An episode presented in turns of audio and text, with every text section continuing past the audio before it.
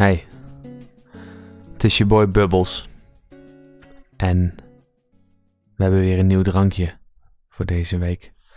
Van een merk die wat bekender is. Hugo. En mijn eerste ervaring met Hugo was positief. Er zijn ook merken waar ik minder positieve ervaringen mee heb. Waar ik meerdere drankjes van heb gedronken. Fever Tree is daar een voorbeeld van. Maar de eerste Hugo was voor mij een aanleiding om mijn vader te bellen. Dat was Hugo Bubblegum. Nu heb ik Hugo Cherry Bomb. En na wat verder onderzoek ben ik erachter gekomen, vermoedelijk, dat Hugo in Nederland wordt gebrouwen, gemaakt, vervaardigd, in een blikje wordt gestopt.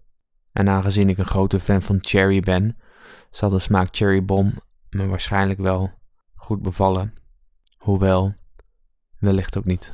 Het is een longdrink blikje. En in dit longdrink blikje uh, zit 250 milliliter zoals gewoonlijk. Dat betekent dat we waarschijnlijk het drankje wel opkrijgen. Het is tijd om dus te openen.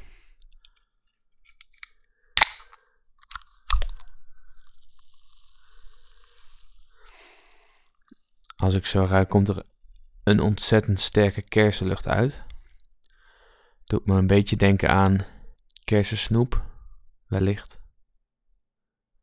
Ik ga eens een slokje nemen.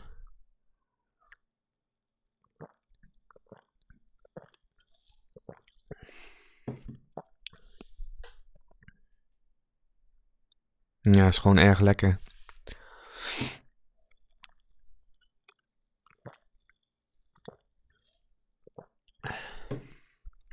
Positieve ervaringen met het merk Hugo.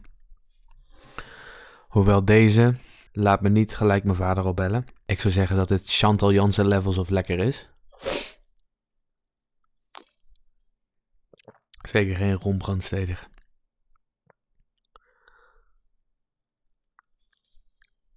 Liking it. Niet te zoet. Niet te. Kan niks anders bedenken dan zoet. Ik heb een aantal uh, maanden geleden een QA gehouden. Waarin ik uh, moeilijke levensvragen beantwoordde. En ik daarbij hulp gebruikte van verschillende lines uit Nederlandse rapteksten. Deze lines heb ik willekeurig opgezocht, spraken me aan heb ik op een briefje geschreven. En daarna dubbel gevouwen en in een bak gedaan.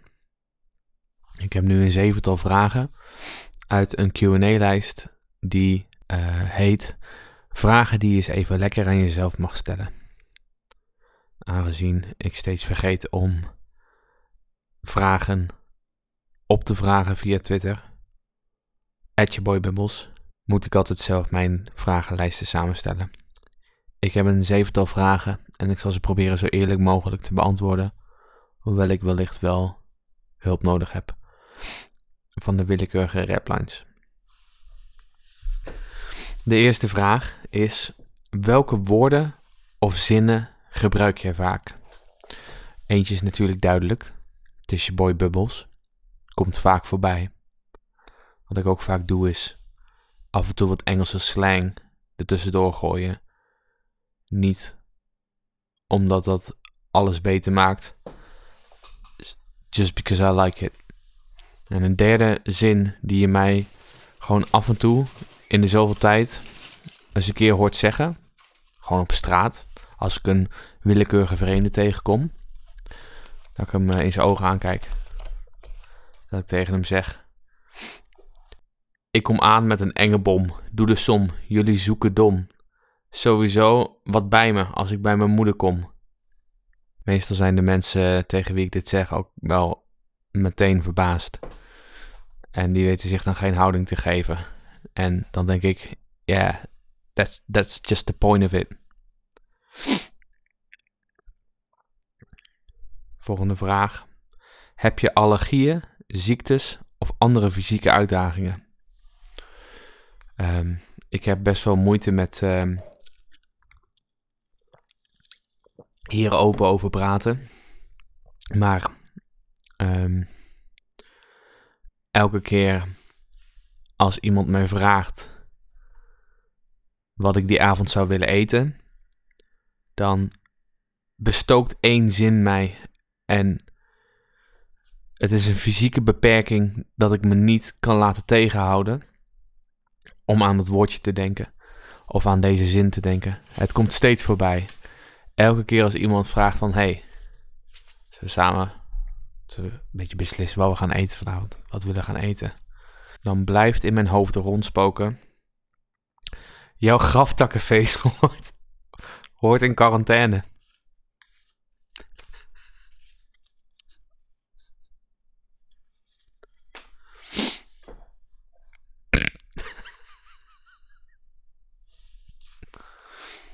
Volgende vraag. Hoe beschrijf jij je jeugd in het algemeen? Easy. Mijn jeugd uh, kan je het beste samenvatten in deze zin. Ze wilden me dood, maar ik teken bezwaar.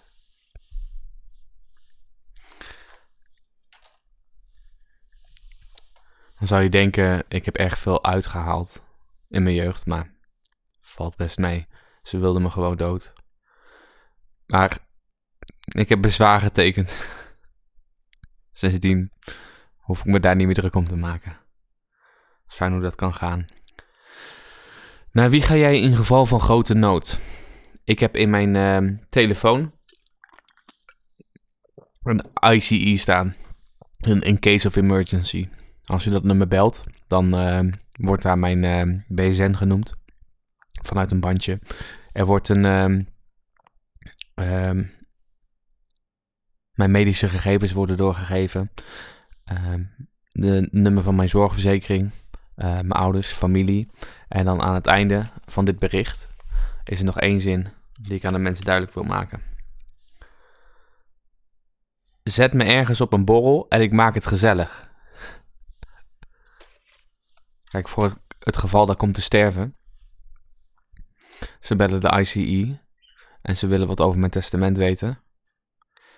Zet mijn grafkist gewoon op een bol en ik maak het wel gezellig. Even if I'm dead. Hoe ga je om met stress?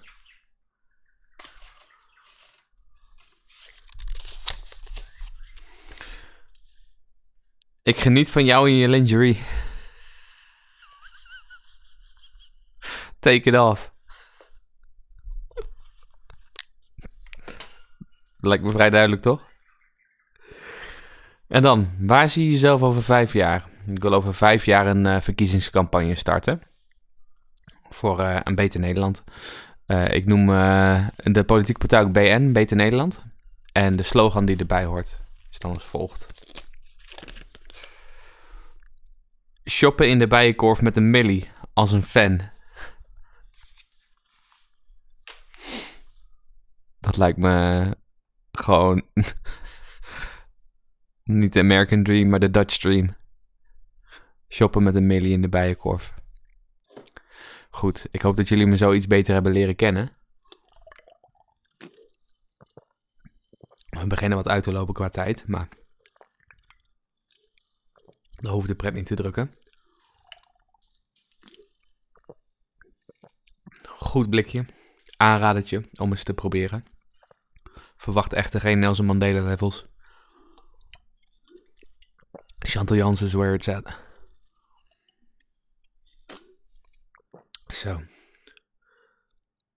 Blikje is leeg. Ik ga het blikje kraken. Ik wil nog even zeggen. Als je je Boy Bubbles een leuk en interessant kanaal vindt, deel het dan met je vrienden.